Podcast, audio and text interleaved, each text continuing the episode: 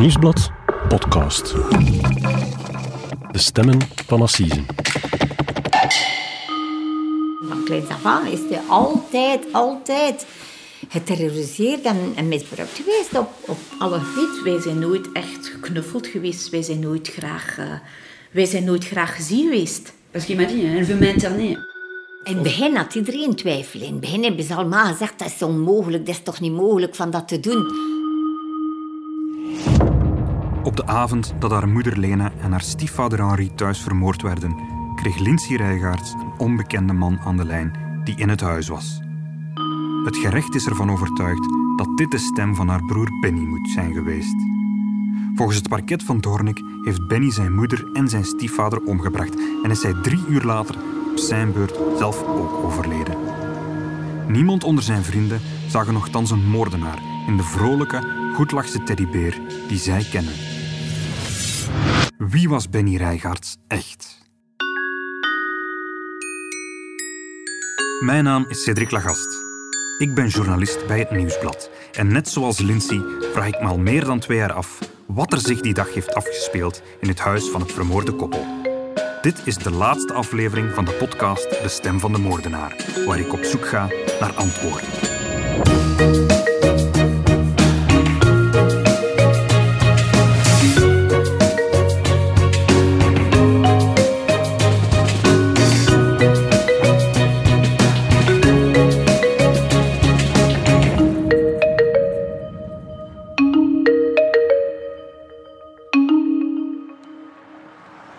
Toen Benny Rijgaards um, dood werd teruggevonden in de Schelde, was hij 38 jaar oud.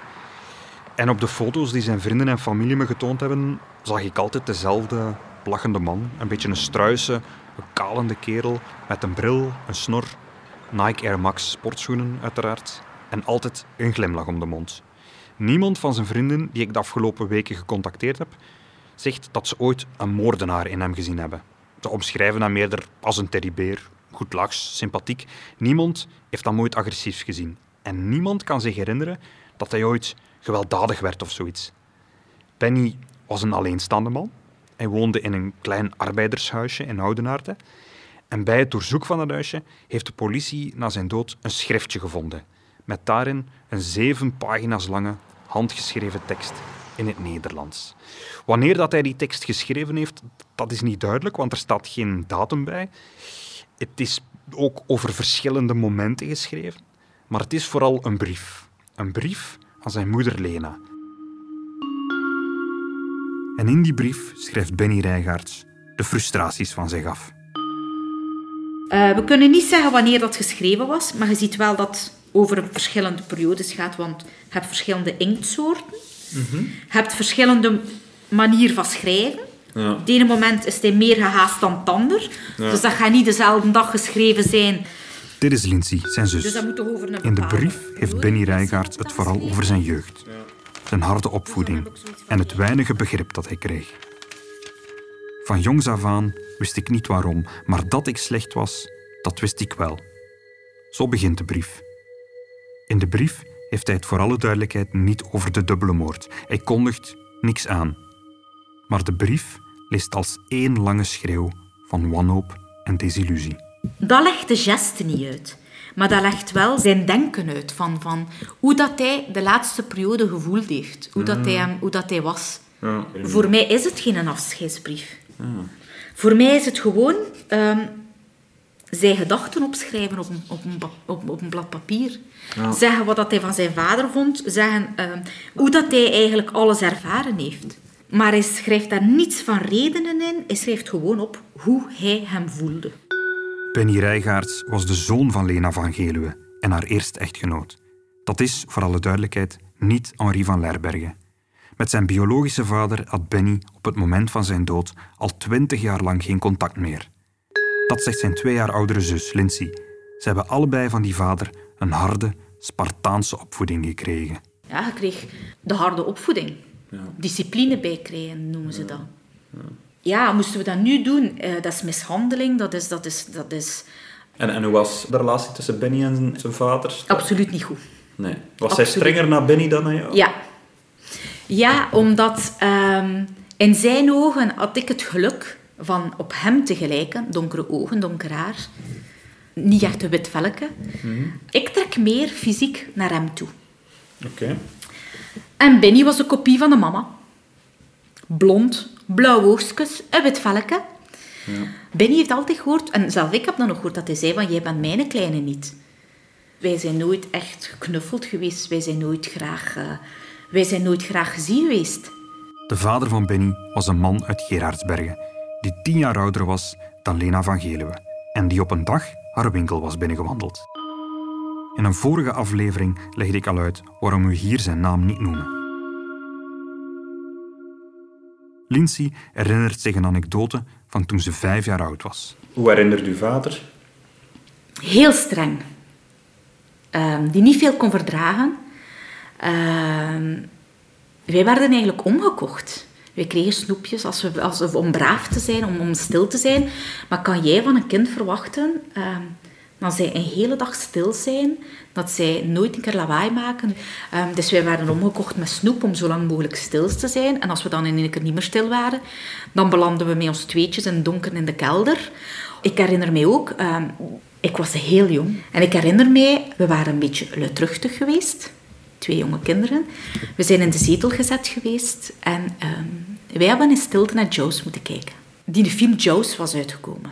Maar als jij dat doet met kinderen die, die heel jong zijn, en dan wil jij van ons verwachten dat wij nog gaan zwemmen, dat wij geen schrik hebben van water, dat is eigenlijk onze waterschrik. Sinds die dag waarop ze als kleuter de thriller over een bloeddorstige haai zagen, waren zowel Lindsay als Benny bang voor water. Benny hield niet van zwembaden of van boten. Op vakantie meet hij het zwembad. Als hij toch het zwembad in moest, bleef hij aan de kant en wilde hij voet aan de grond voelen. Dat Benny uitgerekend dood in de Schelde is teruggevonden, roept veel vragen op bij Lindsay. En surtout als ze mij dan zeiden, hij ligt in het water, dat was voor mij, dat kan niet. Benny had schrik van water. Hij kon naar een zwembad gaan, maar hij moest voet hebben. Hij kon op een boot zitten, maar dan enkel maar een klein bootje met mensen dat hij vertrouwde. Dus hij gaat tegen mij zeggen, hij gaat bewust in het water gesprongen zijn, een donker gat, s'avonds, en hebt schrik van water. Benny Rijgaards is op 5 september 2019 dood teruggevonden in de Schelde. Bij de autopsie werden geen letsels of verwondingen gevonden die zijn dood kunnen verklaren. Zijn lichaam leek intact. De wetsdokter kon geen onbetwistbare doodsoorzaak achterhalen. Maar, zo besluit de dokter, alles wijst op verdrinking. Tous les éléments euh, qui sont en notre possession conduisent euh, à, à un suicide. Il n'y a pas d'intervention tierce non plus euh, concernant. Alors, l'endroit où on le retrouve, c'est quand même pas très loin de, de son domicile. Er zijn geen aanwijzingen dat hij door iemand anders om het leven is gebracht. Alles wijst op zelfdoding, zegt Frederik Barissot, de eerste substituut van het parket van de procureur des Konings, afdeling Doornik. Zelfs al kon het onderzoek van de longen dat niet helemaal bevestigen. Ce qui peut arriver, c'est pour ça que je parlais de malaise, c'est peut-être un malaise au bord de l'eau et puis tomber dans l'eau, donc mourir et puis seulement tomber dans l'eau. Ça, ça peut, ça peut s'expliquer aussi. hein. Euh, elle parle des diatomées qui n'ont pas été retrouvées, euh, notamment dans... Des diatomées Diatomées, donc ce sont les, les petites euh, particules qui se trouvent dans l'eau. On fait toujours une analyse de l'eau et, euh, et de l'eau qu'on pourrait retrouver dans, dans les poumons. In zijn brief heeft Benny Rijgaards het over zijn vader. Hij heeft me voor niets gespaard, schrijft hij. Benny heeft van zijn vader altijd gehoord van... ehm, jij bent niets. Ehm, jij, bent, eh, slecht. Je bent mijn kind niet. En als je dat elke dag van je leven hoort... Benny, als hij jong was, was hij echt een, een, heel aanhankelijk. Vrij gevoelig. Ja. Ehm, en ik denk als je dat bij een, een, een, een heel gevoelig kind constant zegt van... mij, Jij bent slecht. Jij bent niets waard. Jij bent mijn kind niet. Ergens moet er daar toch een knak gebeurd zijn. Uiteindelijk beslist Lena na enkele jaren om de man te verlaten. Ze vertrekt met haar twee kleine kinderen naar een vluchthuis in Gent en ze zoekt weer contact met haar familie. Dat zegt haar zus Magda. En de kinderen waren inderdaad geterroriseerd ook door hem, surtout Benny. Lindsay, het was een meisje, dat, dat denk ik, ging nog redelijk. Maar Benny kon hem niet zien, hij kon hem niet uitstaan. Hè. Die kleine van kleins af aan is hij altijd, altijd geterroriseerd en, misbruikt geweest op, op alle gebieden, fysiek, maar ook ja, dat hij slagen kreeg, hij mocht niks doen, hij moest gewoon stilzitten en niks poseren. Ook uh, mentaal enorm. Uh, ja. En daarna is hij terug naar huis gekeerd, maar mijn vader was onder, ondertussen ook overleden, mijn ouders. Dus dan heeft ze haar zussen, dus ik en al, mijn andere zussen, weer gecontacteerd omdat ze weggevlucht is in een vluchthuis ergens, in Gent denk ik, met haar twee kleine kinderen. Ja. Omdat ze er zodanig schrik van had, ze was geterroriseerd door hem. En hij deed nooit iets. Hè. Echt, die man heeft nooit, praktisch nooit gewerkt. Hij leefde op haar kap. Zij deed twee, drie jobs met twee kleine kinderen. Wij zijn altijd echt gebruikt geweest. Wij werden tegen mama gebruikt van... Ehm, als het dat niet doet met de kinderen en, en, en, voilà. In het begin heeft mama haar heel veel laten doen... Um, uit schrik voor de kinderen. Mama heeft uh, helaas heel veel moeten doorstaan. Uh, omdat ze schrik had dat hij ons iets ging aandoen. Dat hij iets... Totdat ze op een bepaald moment ook zei van... Uh, ja. Als, als je een keer te veel slaag gehad hebt, als, als je kinderen een keer te veel gekwetst zijn geweest, fysisch, of als, ze, of als je ze een keer te veel uit de kelder gehaald hebt, op een bepaald moment stop het ook. Zoals ik in een vorige aflevering al vertelde, heb ik de afgelopen weken ook contact gezocht met die ex-man van Lena. Ik wilde ook zijn versie van het verhaal kennen. Ik wilde weten hoe hij op die periode en op zijn relatie met Benny terugkijkt. Maar volgens zijn advocaat is hij medisch niet in staat om mij te woord te staan. Lena van Geluwe bouwde uiteindelijk een nieuw leven op met Henri in een groente- en fruitwinkel in Kluisbergen.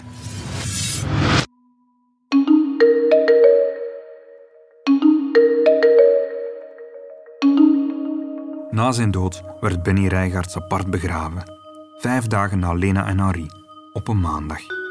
Dat was een bewuste keuze van zijn zus Lindsay op zijn begrafenis in het funerarium van Ronse dachten veel vrienden op. Uit Ronse, uit Oudenaarde, maar ook veel mensen die zijn familie nog nooit gezien had. Er was een grote groep vrienden die vanuit Frankrijk was afgereisd. Die vrienden hadden 900 euro ingezameld voor gedenkplaat met zijn foto op, om op zijn graf te zetten. Aan onze vriend Benny, bedankt dat je ons leven hebt verlicht, stond erop. C'était un gros nounours, quoi. Grand nounours. Étant jeune, hein, c'était un garçon qui était tout le temps là pour tout le monde, euh, souriant, qui faisait la fête. Euh, ouais. Malgré ses problèmes, il avait toujours le sourire parce qu'on le savait hein, qu'il n'était pas bien. Ouais. Euh, bah, Dit is Marie Haube. Ze is een van de dichtste vrienden van Benny. Ze kent Benny al sinds 11 jaar was. Vandaag is ze 36. Ze is Franstalig, maar ze groeiden allebei op in Ronse. Nu woont ze in Bassekle, samen met haar vriend en haar dochter. Dat is een dorpje vlak aan de Franse grens, tussen Belluy en Peruwe. Marie omschrijft Benny als een grote knuffelbeer. Ze herinnert hem vooral als iemand die altijd klaar stond om anderen te helpen en die met een glimlach op het gezicht leefde, ondanks zijn problemen. Ze heeft hem leren kennen op de markt van Ronse. Hij werkte daar als 14-jarige in het groentekraam van Lena en Harry. En zij liep daar rond, omdat daar nog andere leeftijdsgenoten eigenlijk ook rondliepen. En toen dat er een gezamenlijke vriend van hen stierf, was Benny eigenlijk de steunpilaar voor Marie. Ze waren nooit een koppel, maar ze waren bijna 25 jaar lang vrienden. Marie zag dat Benny als tiener, net zoals zijn zus Lindsay trouwens, heel vaak moest bijspringen in de groente- en fruitwinkel van zijn moeder. Hij werkte daarnaast ook in een restaurant en in een manege, want Benny, Benny was een ruiter en hij werkte daar om de stalkosten te betalen. Ook daar heeft Benny het over in zijn brief. Hij schrijft dat hij zich een stuk gereedschap voelde, dat al dat werken als tiener voor hem niet leefbaar, niet draaglijk was. En dan na een tijdje ging uh, als wij oud genoeg waren, deden wij dan de winkel. Uh, Benny en ik hebben dan eigenlijk de winkel gedaan. en hoe oud waren jullie toen? Heel jong. wij waren tieners als wij beginnen werken zijn. Ja. Ehm, het is dat dat Benny ook zegt van... Ehm, ik heb altijd tussen het volk gestaan. Maar ik ben nog nooit zo alleen geweest. Ehm, en dat hij dan zei van... Wij hebben altijd gewerkt. Wij, in de vakanties waren wij daar alle dagen. En als het school was, gingen wij in de week naar school, maar stonden wij in, de, in het weekend in haar winkel. Ja. En ik denk dat dat zo'n beetje het colerisch is geweest van Benny. Dat hij zei van, wij hebben altijd meegeholpen, wij hebben altijd gedaan. Oké, wij hebben nooit iets tekort gehad, maar ehm, als we hobby's wouden, moesten we er ook voor werken. Uh, wij hebben niets gratis gekregen. Ja. Oké, we kregen veel van mama, mhm. maar we moesten er ook veel voor doen. Ja. Wij mochten uitgaan, maar wij moesten zorgen als wij uitgegaan uh, waren, dat wij zondags kosten werken. Wij hadden niets tekort, we hadden kledij dat we moesten hebben, we hadden ons eten, we hadden ons... Maar uh, wij konden niet zeggen... En in het weekend doe ik niets, ik ga lang uitslapen, ik ga... Nee, wij stonden de zaterdag en de zondag in de winkel. Als adolescent had Benny lang haar. Hij hield zich op in het hardcore milieu. Hij en zijn vrienden hielden van harde techno en ze gingen uit in discotheek La Bouche in Doornik. Volgens zijn vrienden trok hij vaak na een lange nacht dansen in de discotheek, s ochtends meteen naar de groentewinkel om daar te werken. Het is daar, in die discotheek, dat hij zijn liefde voor zeldzame sneakers kreeg, waar we het in de vorige afleveringen al over hadden. Enfin, moi je sais, il avait une armoire complète, oui. Mais une armoire plus tous, tous les escaliers. Ouais. ouais, ouais. Il y avait une cinquantaine de paires qui disent. Euh, ouais, c'est bien possible. Ouais. Il collectionnait. Et, et, il y en avait combien? 50, quelque chose comme ça ou... Ouais, je dirais, ouais, voire même, ouais, voire même plus, 70, voire même. Et il faisait, il faisait parfois des routes pour aller en chercher. Moi, quand j'étais en vacances à, à Saint-Tropez, il m'a demandé de passer par Marseille pour voir s'il n'y avait pas des baskets qui lui plairaient. Donc, Het is via de hardcore scene en de discotheek La Bouche dat Benny veel mensen leerde kennen en vrienden maakte. Ook veel mensen uit Noord-Frankrijk. Et c'est comme ça, en fait, il s'est fait des groupes d'amis, mais c'est venu de la bûche, en fait. Hein. Les gens de France venaient à la bûche, et lui, il a connu ces gens, puis après, il allait, il allait là-bas. Et, et, Benny était tellement gentil, il, enfin, il s'intégrait avec tous les groupes, quoi. Benny werkte enkele jaren als arbeider bij een fabrikant van reiskoffers, maar hij zou het grootste deel van zijn volwassen leven werkloos blijven. Zijn moeder Lena beheerde voor hem zijn geldzaken. Zij regelde voor hem een huisje in Oudenaarde, dat zijn eigendom was. Ik kreeg 50 euro per maand of weet ik veel, of per week. Maar Lena betaalde alles voor hem. Ze betaalde zijn huis, ze betaalde...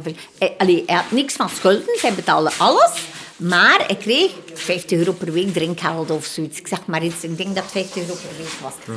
En als hij niet genoeg had, ging hij bij zijn moeder en dan gaf ze meer geld voor een te tanken of dit of dat. Voilà. Benny kreeg een klein bedrag van zijn moeder om zijn leven te bekostigen. Dat vulde Benny aan, zegt Marie, door drugs te verkopen. Mais il vendait aussi, hein. c'était son gagne-pain. Mm -hmm. Donc, euh, et beaucoup d'argent, il gagnait beaucoup, beaucoup d'argent. Le truc, c'est que les gens vieillissent.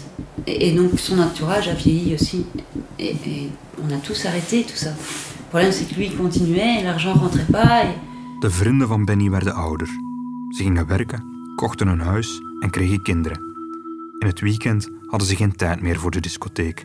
Ze hadden geen zin meer in speed of pillen. Benny, die alleen was, heeft die stap niet gezet. Donc Benny, bah, pour finir, il, il vieillissait aussi, il se retrouvait tout seul. Il était tout le temps tout seul chez lui, pour ouais. finir. Moi, il me disait qu'il partait tous les week-ends en France, mais j'ai compris qu'après, c'était pas vrai. Non. Il restait tout seul, et, et il restait enfermé, dans le noir tout seul. Enfin, ouais. il était tout seul malgré tout. Ouais. Même s'il avait plein d'amis, il était tout seul. Verschillende vrienden getuigden achteraf dat Benny op het einde van zijn leven vereenzaamd leefde. Hij zat geïsoleerd in zijn huis, alleen, met de gordijnen dicht. Hij reageerde niet meer op berichten of telefoonoproepen van vrienden. Hij was depressief. Vrienden zagen dat hij zwaarder was geworden en hij had plots een lange, wilde baard.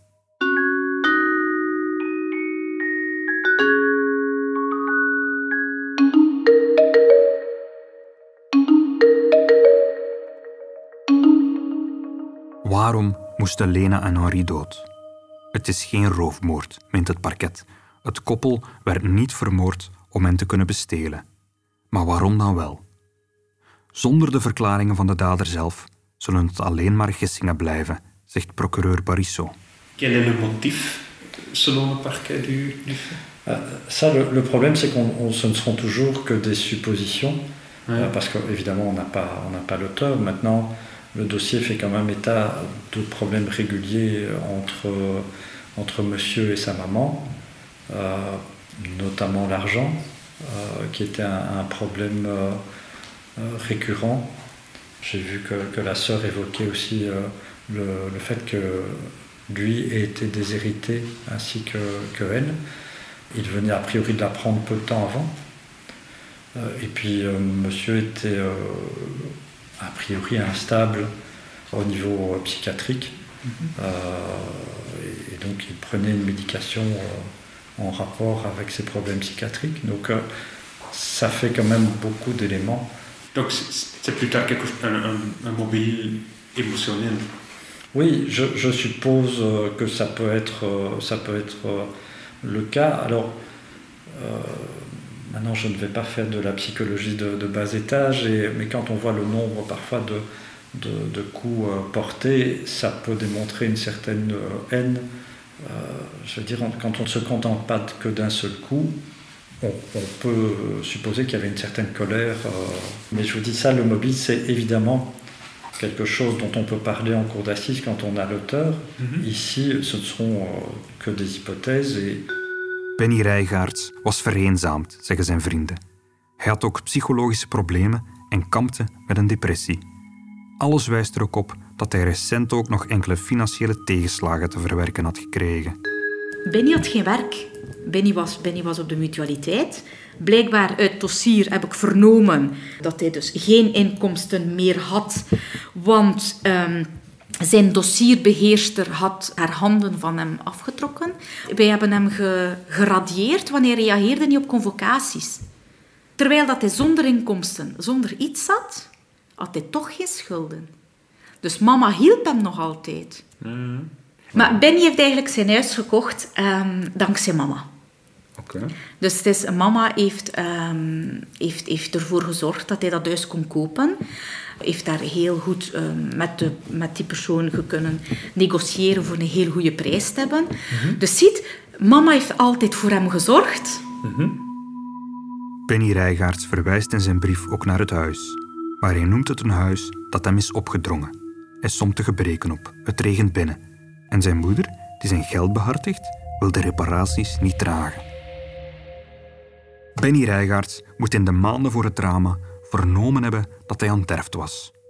Dat was een eerder technische beslissing van zijn moeder, van enkele jaren eerder, naar aanleiding van haar pensioen. Maar volgens verschillende van zijn vrienden was Benny dat in de maanden voordien te weten gekomen. Dat hij effectief heel kwaad was op mama. Eh, Dat hij zei van, ik heb altijd meegewerkt in die winkel. Van, wij hebben altijd gewerkt. Ehm, en dat hij zei, is dat ons om bedank. Lena had in de weken voor het drama aan de familie laten weten dat Benny zich vrijwillig zou laten opnemen om te werken aan zijn psychische problemen. Lena was daar erg opgelucht over. Want mama had tegen ons gezegd ehm, dat Benny ging opgenomen worden en dat hij het wist en dat hij er nu blijkbaar mee akkoord ging.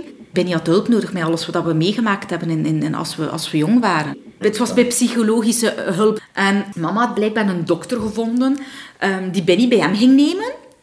In, in, een, in een leefomgeving ging nemen. Om er hem bovenop te Om aan te halen. om, omdat, hij, omdat hij blijkbaar zwaar depressief was. En dat ze zei van, nu moet hij er echt... ehm, hij mag daar niet alleen blijven in dat huis. Hij heeft, heeft meer hulp nodig dan dat. En nu was hij blijkbaar akkoord van ehm, bij iemand te gaan wonen. ehm, om die hulp te hebben, om die dingen. En dan had dat mama tegen mij gezegd van... we hebben ervoor gezorgd van dat hij zijn huis niet gaat kwijtgeraken, want dat was zijn angst, dat hij zijn huis en zo ging kwijtgeraken. En mama zei van... ehm, en ik heb dan eh, ervoor gezorgd dat die een persoon dat huis kan verhuren. En eigenlijk Benny zijn verzorging met dat huurgeld kan gebruiken. Dus Benny bleef eigenaar van zijn huis, maar zijn behandeling en zo werd eigenlijk betaald. Je, je zegt zeker dat hij die behandeling wou. Dat, hij, Maar dat is wat dat mama gezegd heeft. Dat is, mama wat dat, dat, is wat dat ze ons gezegd had die zondag. Dat ze blij was. In de maanden daarvoor was Benny nogthans niet gewonnen voor het idee. Dat vertellen zijn vrienden. Aan hen had hij gezegd dat hij niet wilde opgenomen worden. Il était... Qu'est-ce Il voulait pas. Il voulait pas Non, Il voulait pas. non. Pour lui, c'était la renfermer. De nouveau. L'enfermer de nouveau. Par rapport bah, à sa jeunesse. Ça, il me l'a dit. Ça, il me l'a dit. Ouais, ça, que ça, je l'ai su. C'était au même moment que, un peu après la pension. C'est arrivé. Ça a été la pension, les papiers, puis l'internement. Et il ça, il voulait pas. Il a dit non. Pour moi, il voulait pas être enfermé. Ouais. Non. C'est parce qu'il m'en avait parlé, le truc dans. Que elle, vou- parce qu'il m'a dit, elle veut m'interner. Mais Donc, interner, c'est pas. euh, je vais rentrer me faire soigner. c'est- Je m'interner, quoi. C'est. me couper euh, de tout. Et c'est comme ça qu'il me l'a dit. Hij was kwaad op zijn moeder omdat ze hem liet soigneren, omdat ze hem liet behandelen. Ze wilde echt hem volledig laten behandelen. Doordat hij zo oud was, hij was al rond de 40, allee, kon ze hem niet meer verplichten van dit of dat. Hè? Hij moest zelf altijd beslissen. Hè? Ze heeft juist gezegd dat ze hem wou laten soigneren, want dat, ja, dat hij hulp nodig had. En daarom was hij kwaad op haar. Hij wou hem niet laten soigneren. Maar Lena heeft wel nog alles geprobeerd om hem... Maar tuurlijk, ze deed niet anders dan hem alles. Ze deed alles voor hem. Alles. Ze zat haar groente- en fruitwinkel in Kluisbergen. Hè. Over de middag als ze gesloten was, droeg ze hem verse groenten en fruit. Of maakte ze het klaar en ging ze het hem aan zijn deur ging ze het gaan dragen. Ze deed, ze, ze deed alles voor hem, alles. Volgens de theorie van het parket van Doornik ligt het motief voor de dubbele moord in de moeilijke relatie die Benny had met zijn moeder. Je sais qu'il détestait sa mère. Et ces derniers temps, c'était de plus en plus. Et pourquoi? Bah, bah, par rapport euh, au fait qu'elle a jamais euh, pris sa défense, qu'elle a jamais été là pour lui. Ensuite, euh, qu'elle gère sa vie quelque part, parce que le fait de ne pas pouvoir euh, avoir de carte de banque, pas faire ce qu'on veut, euh, devoir acheter une maison là et pas ailleurs, euh, de devoir venir travailler le samedi ou le dimanche. Enfin, donc, il n'avait rien à dire et euh, il en avait marre. En dat had ik gewoon ook vragen. Waarom haat Benny zijn moeder? Had al zoveel altijd ervan. Dat begrijp ik niet.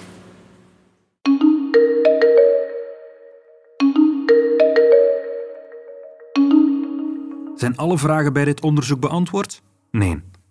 Dat erkent ook het parket van Doornik.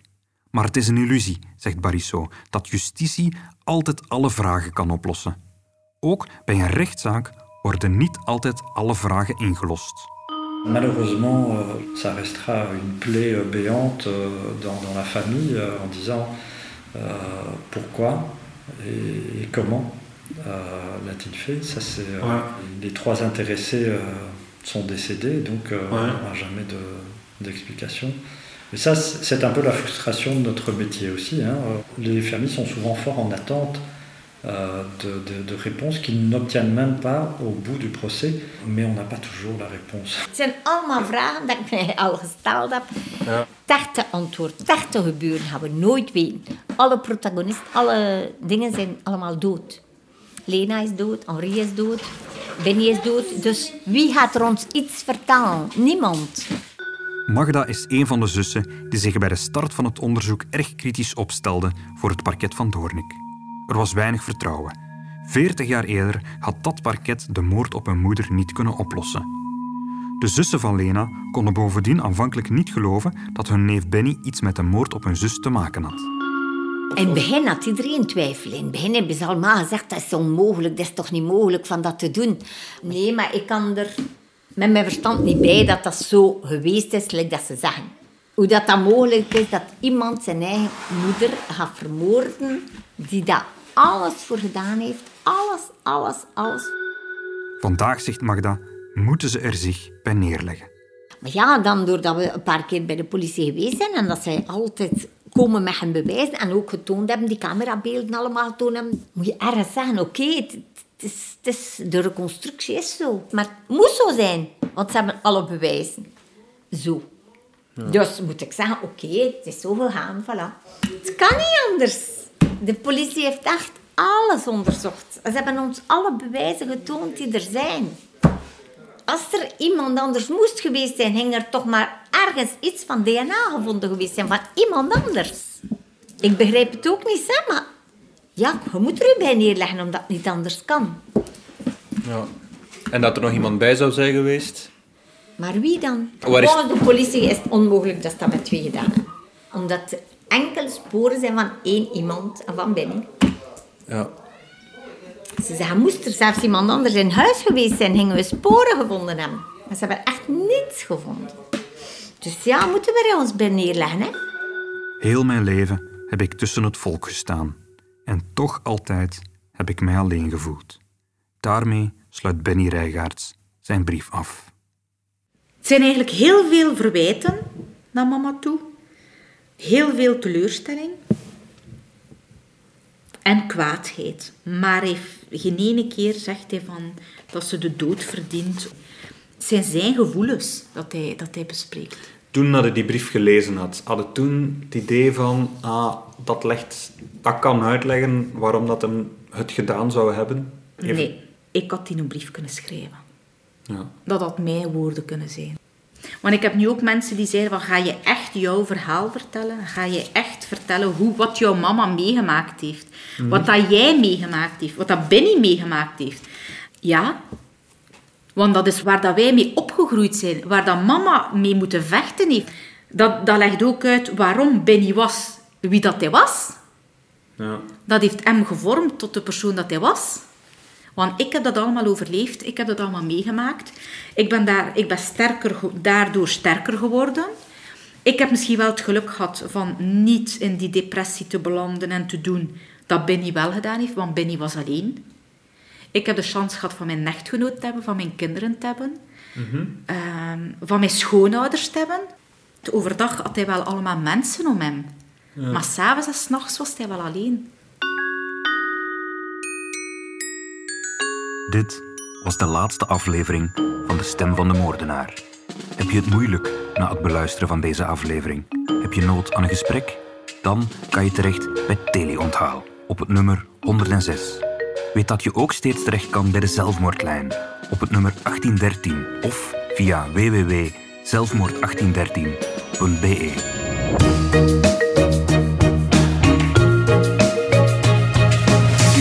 Mijn naam is Cedric Lagast.